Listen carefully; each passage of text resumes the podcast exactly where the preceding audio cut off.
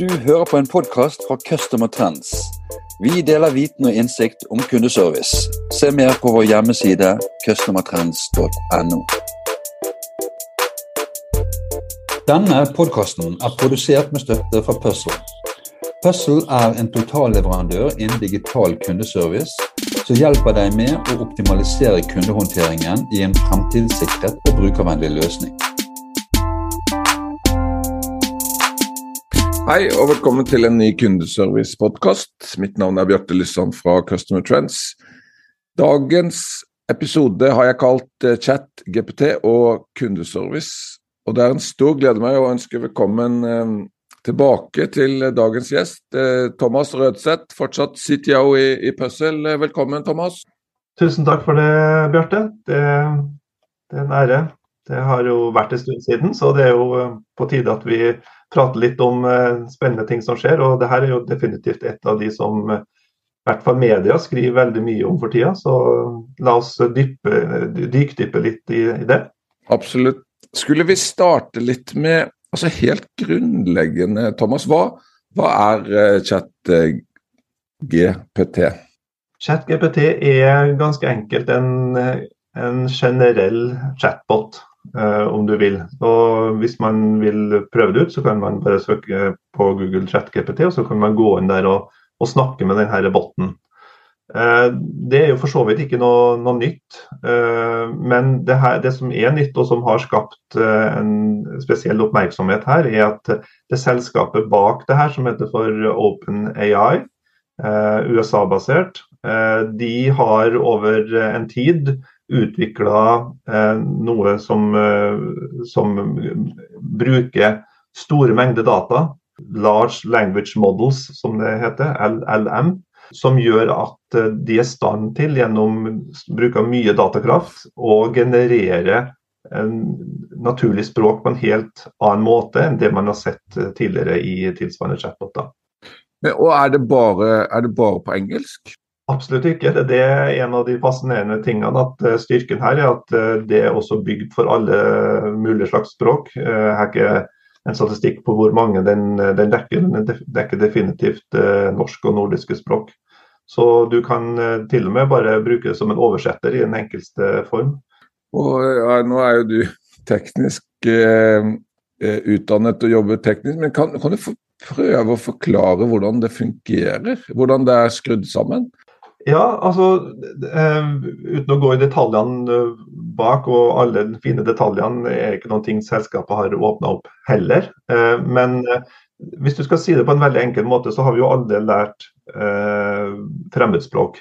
Og da er det gjerne sånn at det, i oppgaven så står det en setning, og så mangler det kanskje to år. Vi skal ta det superenkelt, da kan vi si ski, også et strek under, a girl. sant? Og Da skal du fylle inn is eller are.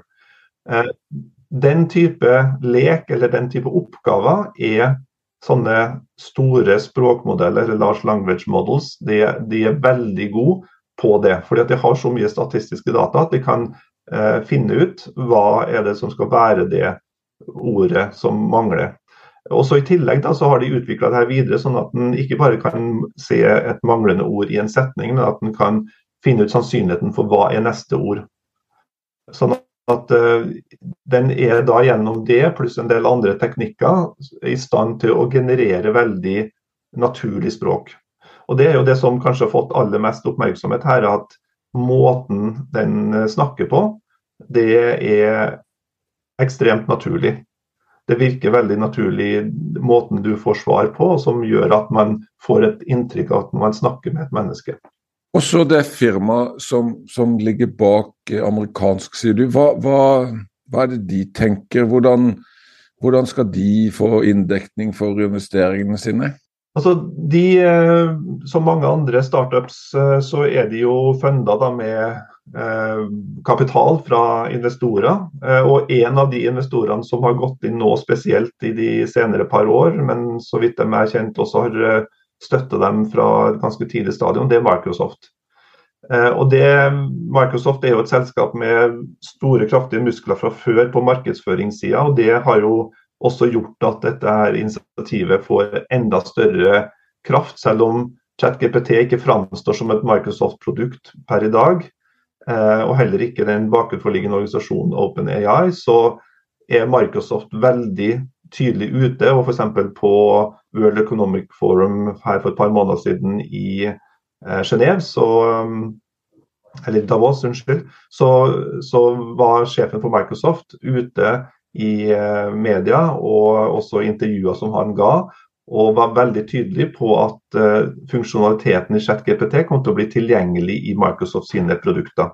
Uh, og Hvis du da tenker gjennom litt hva er det slags uh, form, bruksområder som man kan tenke seg her, så er jo det nettopp dette med at den er veldig god til å generere flytende tekst. Noe som Microsoft har bitt seg merke i. sånn at de ser for seg f.eks. Og, og gjør det til en viss grad allerede og legge det her inn i eh, kodeverktøy, sånn som også Puzzle bruker. Visual Studio og andre sånne verktøy som Microsoft selv til de som utvikler program, programmerer. Eh, og Det gjør da at du kan for generere kode. Hvis du bare sier at jeg vil ha sånn og sånn, skriv det i naturlig språk, og så generere en kode i henhold til det veldig raskt. Et annet område er Office-produktene til Microsoft, hvor du kan tenke deg selv, Hvis du skal skrive en, en søknad f.eks., så kan du si liksom litt om deg sjøl, og så kan du trykke på en knapp, og så genereres den teksten med liksom høflige fraser og hilsener og sånne ting. Og, og jeg, jeg, kunne jo ikke dy meg da selvfølgelig å eksperimentere litt med det her, så jeg var på en hyttetur med noen eh, venner for en måneds tid tilbake på, på fjellet. Eh, og så skrev jeg til ChatGPT da, på mobilen min, så jeg gikk inn på den websida og, og logga meg på. Og sånt. Og så skrev jeg jeg trenger hjelp til å skrive en, eh, en hyttebok, og så skrev jeg til med feil, så jeg skrev hytt-A-bok. Men jeg skjønte likevel hva det dreide seg om. Eh, og så svarer en da selvfølgelig hva vil du skrive i hytteboken? Skal det være en hilsen, en opplevelse du har hatt, eller noe annet? Jeg hjelper deg gjerne å komme i gang. Og alt det er på norsk, sant? Ja, ja. Og så skal jeg ikke lese hele greia her, men eh, jeg, skrev bare jeg har besøkt Frode og Synnøve på en fjellhytte i Nesbyen i Norge. Vi har gått på ski og kost oss mye. Vi har spist god mat og drikke og nydelig vin. Kan du skrive et forslag? Og Da fikk jeg da et forslag som eh, jeg godt kunne skrevet i hytteboka. Eh, med, med, da takk for gjestfriheten og masse sånne floksler. Det var nok noe upersonlig, skal jeg innrømme, men eh, det kunne jo jeg da ha formulert og justert på. på men, men det her er jo et eksempel. Da, og da forstår man jo hvordan, hvorfor Microsoft ønsker å legge det her inn i Word. For da kunne du gjort det her inn i Word istedenfor å hoppe mellom forskjellige sider, sånn som det jeg da gjorde for å få det her fram. For oss som sitter og, og kikker på dette, så, så, er det, så, er det, dette begrepet AI, artificial intelligence. Er chat GPT intelligent? Det er jo intelligent i, i forstand av at det har en intelligens om oppbygning av språk. Det har definitivt en intelligens i forhold til oversetting av språk og forståelse av mange forskjellige språk. Men det som eh, har kommet frem ganske mye i media også, er jo at eh, det er jo, gans, det er jo noen utfordringer med måten denne teksten genereres på. Eh, og det er jo basert på statistiske løsninger. altså man, Sannsynligheten for at uh, man at den neste setningen er sånn og sånn, og det neste ordet er sånn og sånn, og den konteksten, eller den sammenhengen, sånn som f.eks. da hyttebok, genererer av erfaring som den da henter opp fra sitt store bibliotek av data. Så måten som jeg jo nettopp nå sa at jeg innleda samtalen med chatboten på, var jo ikke helt tilfeldig valgt fra min side heller. For jeg visste at jeg måtte på en måte sette den på sporet ved å si hva jeg ønska å gjøre. Eh, for å gi den en, en, kontekst som en da kunne svare i. Og da visste jeg, for at jeg hadde prøvd en del ganger tidligere, at jeg fikk en mye bedre svar. Sånn at, eh, men tilbake til det med intelligens, bare for å avslutte det spørsmålet. så er det jo samtidig da en økende medieoppmerksomhet rundt eh, det man kaller for hallisjonering. Nemlig at fordi at det er basert på statistiske løsninger, så, og fordi at den er lagd til å prøve å generere så mye naturlig språk som overhodet mulig, så har de som har utvikla det her, måtte gjøre noen kompromisser. Så når når den er eh, en grad av usikkerhet. Så istedenfor å si at det her vet jeg ingenting om, eller den, jeg vet det her, men ikke det her, så har de valgt i dagens implementering å eh, på en måte eh, fortsette samtalen basert på ganske lav sannsynlighet. Og det har endt opp i at den faktisk fantaserer. Så, og det, man kan, Hvis du skriver 'fantasere' og ChatGPT eller sånne eh, lignende engelske fraser, så kan du finne ganske mange interessante artikler og konkrete eksempel hvor den eh, eh sier ting som overhodet ikke er sant. Ja.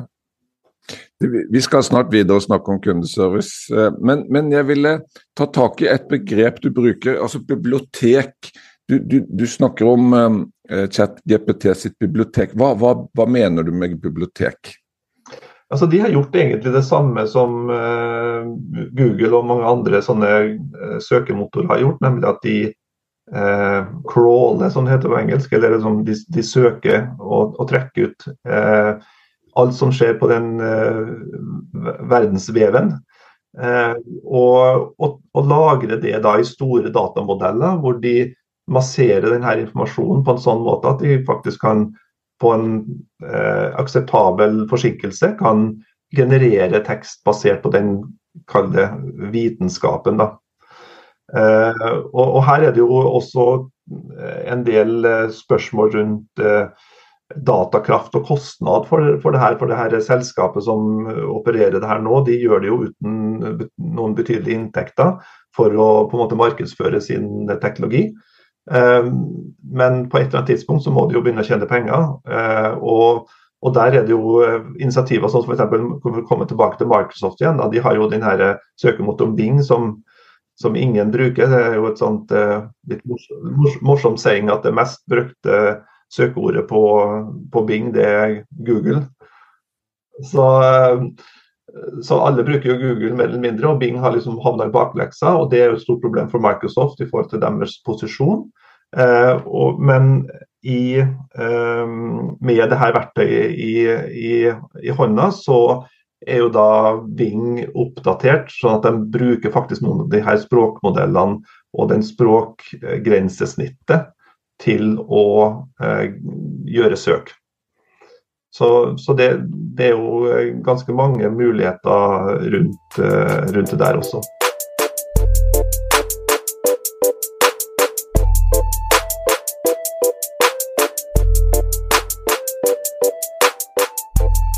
Hvilke muligheter gir ChatGPT for en kundeserviceorganisasjon på, på kort sikt?